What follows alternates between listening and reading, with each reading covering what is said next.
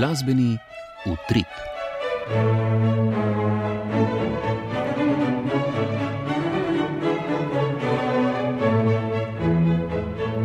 Spoštovani, lepo pozdravljeni. Današnjo oddajo začenjamo z Menotijevo opero Deček, ki je prehitro rasel, ki so jo prejšnji torek izvedli na odru Linhartove dvorane. Nadaljevali bomo na istem odru, kjer je prejšnjo sredo potekala slovenska krstna izvedba izvirne glasbe k nememu filmu Erotikon. V drugem delu oddaje pa izpostavljamo bogat silvestrski program, ki ste ga lahko spremljali na naših valovih, dosegljiv pa je tudi na posnetkih, ki jih najdete na Arsovi spletni strani. Vojko Kokot in Dejan Juravič vas vabiva v svojo družbo.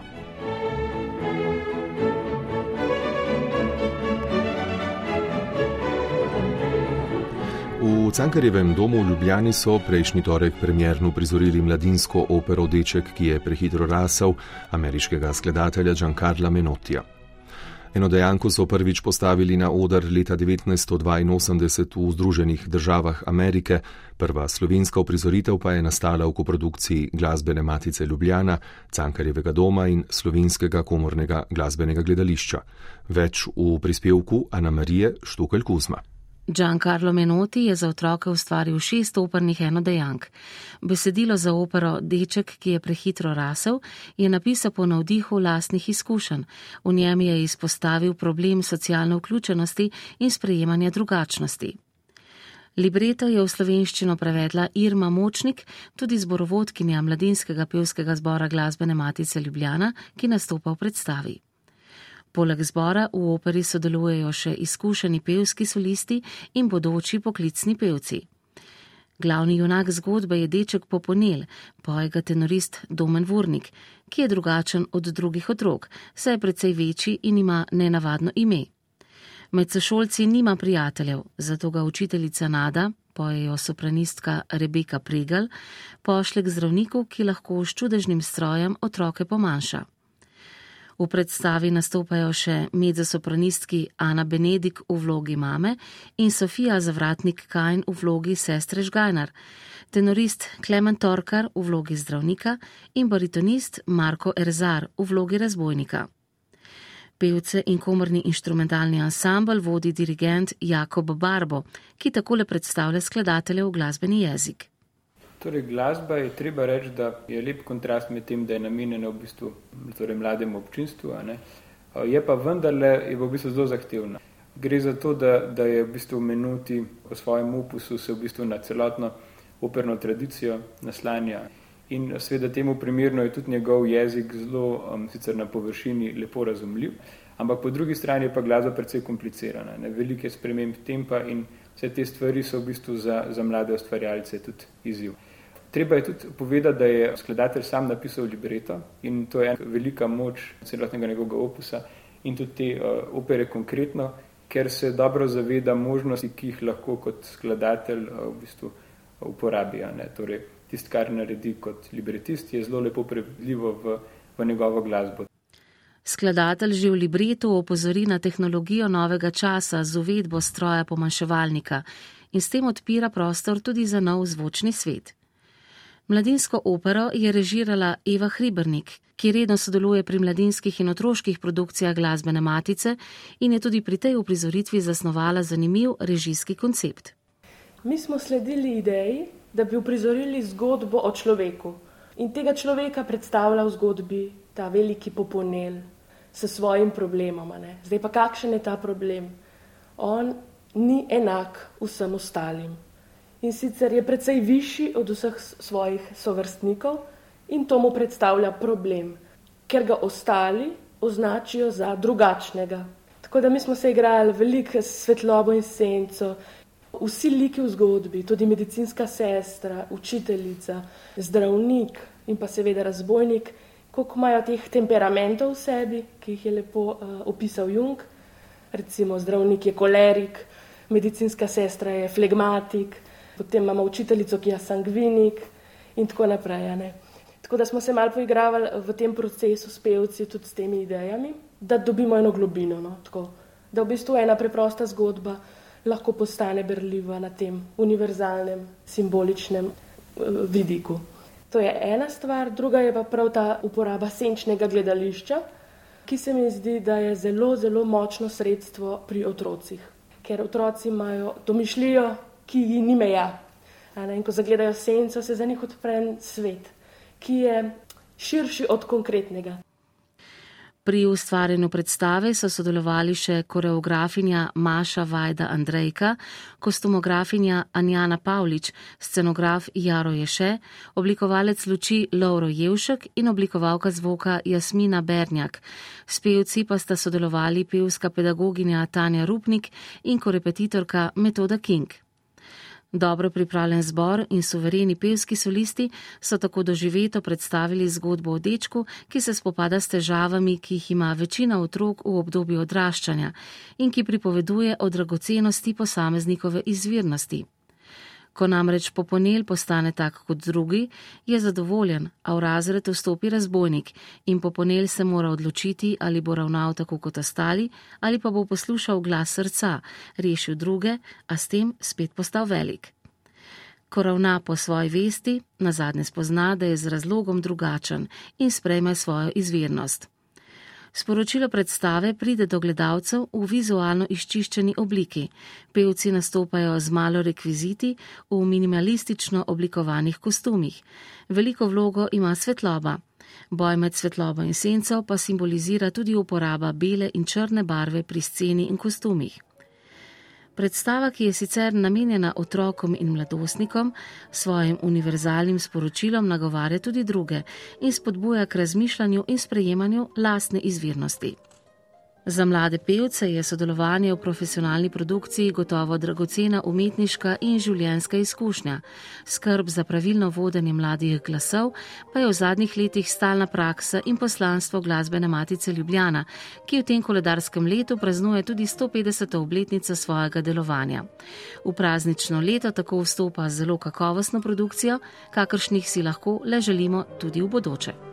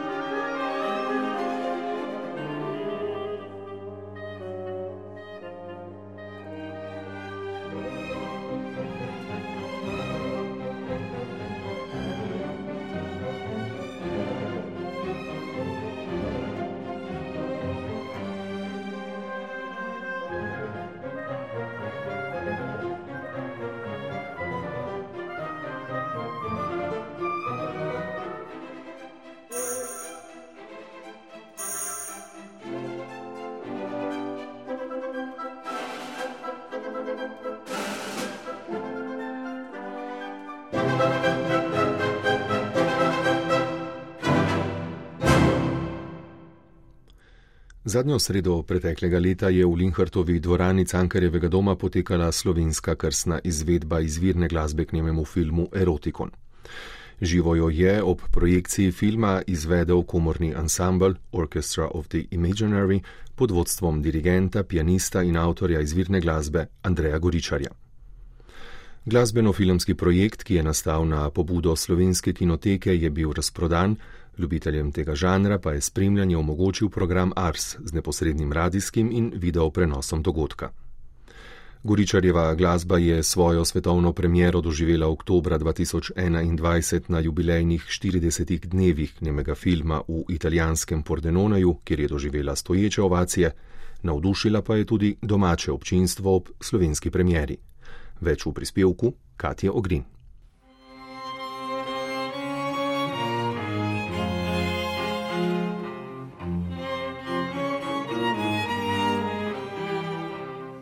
Novo partituro za klasiko nemega filma Slovensko filmsko zvezdo Itorina v glavni vlogi je pri skladatelju Andreju Goričarju naročila Slovenska kinoteka, kjer je Goričar že vrsto let hišni pianist. Film češkega režiserja Gustava Mahatija je v tej vlogi že nekajkrat spremljal pri klavirju, ena od improvizacij pa je služila tudi kot izhodišče za novo partituro, ki so jo navdahnile filmska fotografija, montaža, kadriranje in ena zadnje lepota in čutnost glavne igralke. Kot pojasni Goričar. Moje videnje glasbe pri nemem filmu je tako, da skušam najprej s filmom samim stkati nek zelo oseben odnos. Veliko krat ga gledam v tišini, tako da se res nekako začutim, da res začutim utrip filma, da sem pozoren na vse stvari v filmu, oziroma ne pozoren, da jih nekako začutim. No. In potem glasba, na glasbo vpliva marsikaj, kar se dogaja v filmu, ne samo v smislu zgodbe filmske. Na glasbo vpliva montaža filma. Recimo pri Erotikonu imamo čudovito, mehko montažo po tem nekem ruskem vzoru nemih filmov, ki da filmu neko tako izredno mehkobo in, in, in imaš občutek, da s to montažo objema ta čudoviti obraz Iterine in teh njenih bližnjih posnetkov. Potem zelo vpliva na glasbo, seveda, sama zgodba, seveda, ki pa je v tem primeru erotikona izrazito večplastna. Skladatelj je osrednjo tematiko filma izrazil s tangom, ki v svojih variacijah uspešno zaobjema vso njeno kompleksnost: strast, poželenje, ljubezen, krepenenje in brezup. Izvrstno pa je poudaril tudi elemente napetosti, pričakovanja in tveganja. Neuromantični elementi pokrivajo mehkobo glasbenega občutja, džezovski vložki pa dodajo ščepec igrivosti, hudomušnosti in komike. Film tako režijsko, kakor tudi vizualno zaznamuje slog konca 30. let 20. stoletja, a kot pravi Andrej Goričar, se je po navdih raje zatekel k občutkom, ki so ga prevevali ob ogledu, kakor pa samem slogovnem izhodišču filma. V nemem filmu je to sicer je en način, da se uživiš v tisti čas in probaš narediti, ampak meni so bližje drugi načini, se pravi, ne razmišljati sploh o tem, ker občutja ki jih uh, začutiš ob filmu, so brezčasna, niso omejena vem, na 19. stoletje. Ljudje čutimo vse čas. Pravzaprav podobno, zdaj, kot mi zdaj občutimo stvari, bi jih občutili tudi pred 500 leti, ne podobno. Skratka, in ta občutja izražaš pa s tistimi sredstvi, ki se ti zdijo najbolj blizu v tistem trenutku za, za, za izražanje teh občutij. Zato bi bilo omejevanje s stilom, po mojem, kar se z, z mojega vidika nepotrebno. Komorna zasedba glasbenikov, ki so se ob tej priložnosti združili pod imenom Orchestra of the Imaginary, je bila izbrana premišljeno. Klarinet, saksofon, dve violini, viola, violončelo in klavir se zlijajo v ravno prav melanholično, tenkočutno, strastno, a mehkobno glasbeno govorico, s katero je skladatelj filmski klasiki dodal novo, privlačnejšo podobo. Goričarjeva partitura je že tretja, ki je nastala za film Erotikon, a se na predhodni različici, deli Erna Koštela in Jana Klusaka, skladatelj zavestno ni želel opreti. Glasbeno snov je raje iskal v zgodbi sami, predvsem v tišini, ki tako močno zaznamuje film in ustvarja močan dialog z navdihujočo podobo glavne igralke Iterina. Vsekakor je ona glavno gibalo eh, tega filma, predvsem s temi bližnjimi posnetki, ne, ki so zelo navdihujoči in nosijo v sebi veliko tišino. Se mi zdi, da vsakič en tak bližnji posnetek nosi v sebi neko tako izjemno tišino in vsak, zato tudi v svoji glasbi včasih res namenim, mislim, pauze so sestavni del glasbe, ampak cenzuro, itirini, tišino. Pač, ali pa tako bom rekel, glasba nosi v sebi že tišino tega filma. Že moja glasba nosi tišino tega filma, ker se mi zdi, da ima vsak film nek svoj notranji zvok ali pa notranjo tišino. Goričarjeva glasba je tekoča in gledalca spretno vodi skozi filmske prizore, ter mu zelo neusiljivo, hkrati pa jasno, ponuja spremljavo ob doživljanju zgodbe same, brezčasno lepoto iterina pa glasbeno uokvirja in povzdiguje. Ljubitelju erotikona tako ponuja novo romantično doživetje filma, ki je sicer označen kot pionirsko delo filmske erotike. Vseh, ki film gledajo prvič, pa ne obremenjuje svojo pretencioznostjo, temveč neusiljivo podpira čutno doživetje te avantgardne vizualne pripovedi.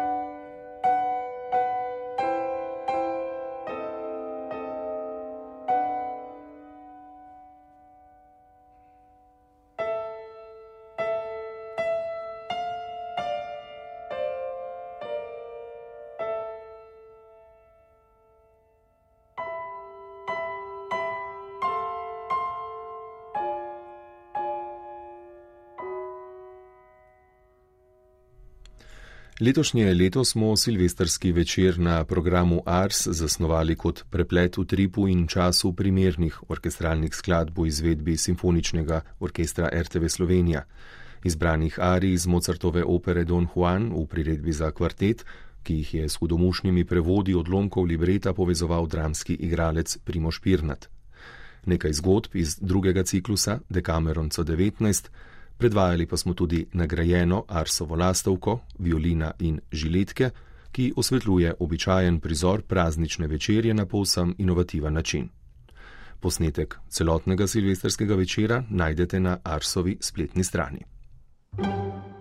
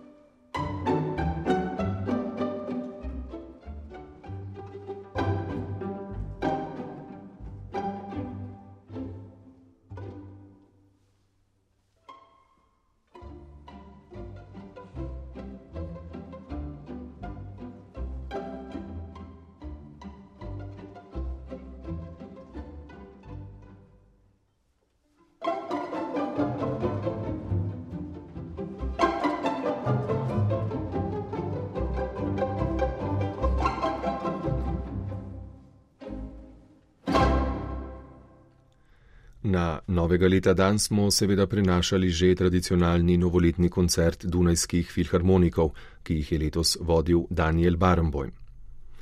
Predsednik Dunajske filharmonije Daniel Froschauer je v napovedi dogodka poudaril dirigentovo izjemno ulogo pri orkestru. Daniel Barenboim zauzema izjemno mesto v zgodovini Dunajske filharmonije. Z njimi ne uživamo le v dolgoletnem in plodnem umetniškem partnerstvu, temveč tudi v sjajnem prijateljstvu. Hvaležni smo maestru Barenbojmu, da je junija 2020 v Muzik Ferajnu dirigiral prvi koncert Dunajskih filharmonikov po koronskem zaprtju družbe. Prihodnje leto bo praznoval tudi 80. rojstni dan. V znak te globoke umetniške vezi smo ga zato prosili, da bo 1. januarja 2022 še tretjič stopil na stopničke novoletnega koncerta. Konec navedka.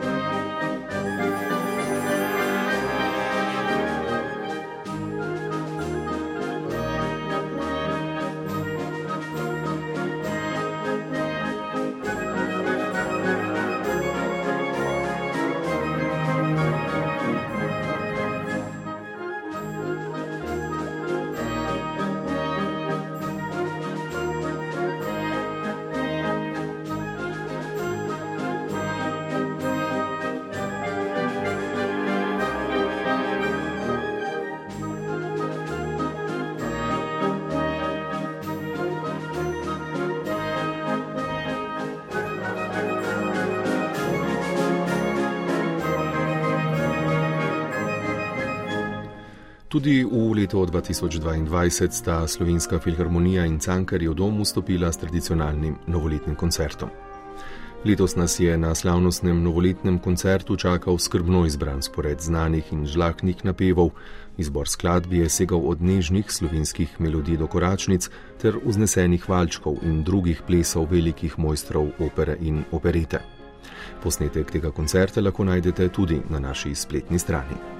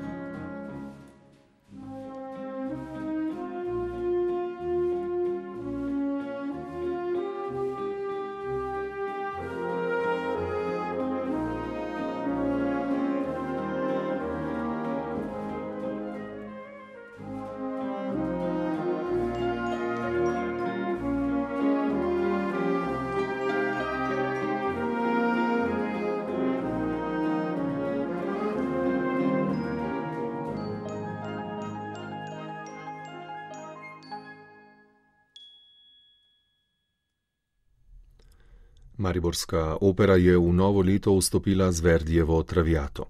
Pod režijo, scenografijo in kostumografijo se je podpisal sloviti argentinski režiser Ugo de Ana. V ulogi Violete je nastopila Lana Kos, ki je prav na odru Mariborske opere prvič interpretirala to vlogo leta 2008. Moram priznati da je velika, velika čast i uzbuđenje i sreća e, što sam ponovno ovdje u Mariborskom gledališću. Velika čast, uznemirjenje in sreča, da sem spet tukaj v Mariborskem gledališču, kjer sem pri 21. prvič nastopila v vlogi Violete z velikim maestrom Hugom de Ano. Z njim sem oblikovala svojo prvo Violeto in v 20-letni karieri sem vsakič, kar sem se naučila tukaj, unesla vsako novo postavitev. Do sedaj sem travijato pila po svetu na 26 odrih, od Kitajske, Japonske, v Veronski areni, Palermu, v Madridu. V Mariboru sem znova srečala prijatelje, sodelavce, s katerimi sem sodelovala. Počutila sem se, kot da sploh nisem odšla od tut. I zaista ovaj, um, osjećala sam se kao da nisam nikada ni otišla odavdje. Evo, iskreno ću vam reći. Lahko rečemo, da je Violeta vaša življenjska vloga, to je pravzaprav neko poslanstvo, da, da izpolnjujete tisto, ta umetniški vaš kredo, lahko tako rečemo? Pa italijani vole reći da je to uloga cavallo di battaglia, jel nešto sa čime sam probijala ovako dosta vrata uh, diljem svijeta, jel? Italijani pravijo, da je to vloga vličnega konja, s katero sem si odprla mnogo vrat na odre po svetu. Violeta me spremlja v karieri in vsakič je nekoliko drugačna. Se menja, tako kot jaz, kot pevka. Z menoj raste in se razvija. Zame je ena izmed najljubših in najlepših vlog, ker je zelo zahtevna. Kot je Verdi sam povedal, zahteva tri različne glasove v eni osebi. Je močna osebnost, kar mi je zelo zanimivo. Iz kurtizane se v zadnjem dejanju spremeni v krhko dekle, ki umira in žrtvuje svojo ljubezen. To je meni jako interesantno. I tako da od jedne kurtizane na kraju zadnjeg čina ona je, tako bi rekla, ne svetica, ali čista djevojka koja umira i koja žrtvuje svoju prvu i posljednju ljubav. Jel? Tako kot se je razvijala vaša karijera, ste tudi vi eh, postajali zrelejši v tej vlogi.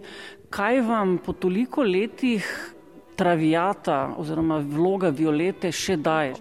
Danas mi je baš e, jedan kolega rekao, veli ja, Lana 150 i koliko puta, 156 mislim da je bilo predstava do sada, e, pa mi kaže pa sad ti to već onako automatski sigurno, već ti valjda ide i na uši kako se kaže, jel? Prav danes mi je sodelavec rekel, da sem pela to vlogo že več kot 150 krat in ali sem se je naveličala. Seveda ne. Vsakič pred predstavo kaj spremenim, kot da jo pojem zadnjič ali prvič. Svaki puta je kao da je posljednji ili kao da je prvi, evo vjerujte. Začenja se novo leto, prav stravijato, prav v Mariborskem teatru za tako ganljivo zgodbo. Kaj pričakujete od leta, kaj si želite? Ja mislim da svi e, nakon ove pandemije koja nažalost evo još nije, nije gotova, ali nekako volim reći nakon jer se nadam da ide kraju. Vsi si želimo da se pandemija konča. Želimo si zdravje, mir v srcu in glavi, da ostanemo zbrani in močni. Vse, kar živimo, kar smo doživeli, ni za nikogar enostavno. I što prolazimo i što živimo nije nikome od nas jednostavno.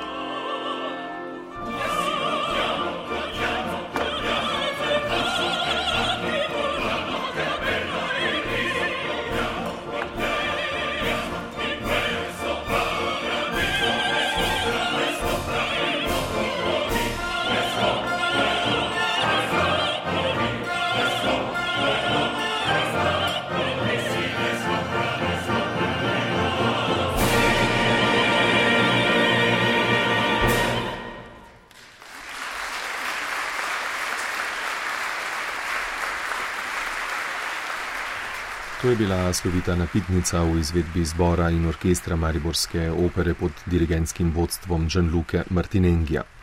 Oblani kos smo kot Alfreda slišali še Martina Sušnika. Audio in videoposnetek prav tako najdete na Arsovi spletni strani. Za konec še novička iz tujine. Prejšnji mesec je potekalo 15. mednarodno pevsko tekmovanje Kapučili Patane Respigi. Organizatori so ga tokrat organizirali v Rimu, tekmovanja pa sva se kot žiranta udeležila Maja Kojc, umetniški vodja simfoničnega orkestra RTV Slovenija in moja malenkost. Koronska realnost ni šla na roko tekmovalcem, saj je bil izvedbeni nivo letošnjega tekmovanja nekoliko nižji v primerjavi s prejšnjimi leti. Prvo mesto ni bilo dodeljeno, drugega pa je zasedel baritonist Hae Kang, tretjega pa baritonist Jung Yin Li in sopranistka Sori Kim. Gre izpostaviti tesno sodelovanje z omenjenim tekmovanjem, saj so, kot tudi sami veste, v vseh teh letih nastali številni projekti, s katerimi smo obogatili radijske programe in radijski glasbeni arhiv. Naj omenim koncertno izvedbo Džanja Skikija v izvedbi domačih in tujih solistov, zmagovalcev tekmovanja s simfoničnim orkestrom RTV Slovenija leta 2015 ter abonmajska koncerta naših simfonikov leta 2013 in leta 2014. Trenutno se dogovarjamo za dokončanje projekta Verdijeva baletna glasba, ter snujemo nove projekte, koncerte v sklopu cikla Kromatika in arhivna snemanja opernih ari in duetov v sodelovanju z domačimi in tujimi solisti.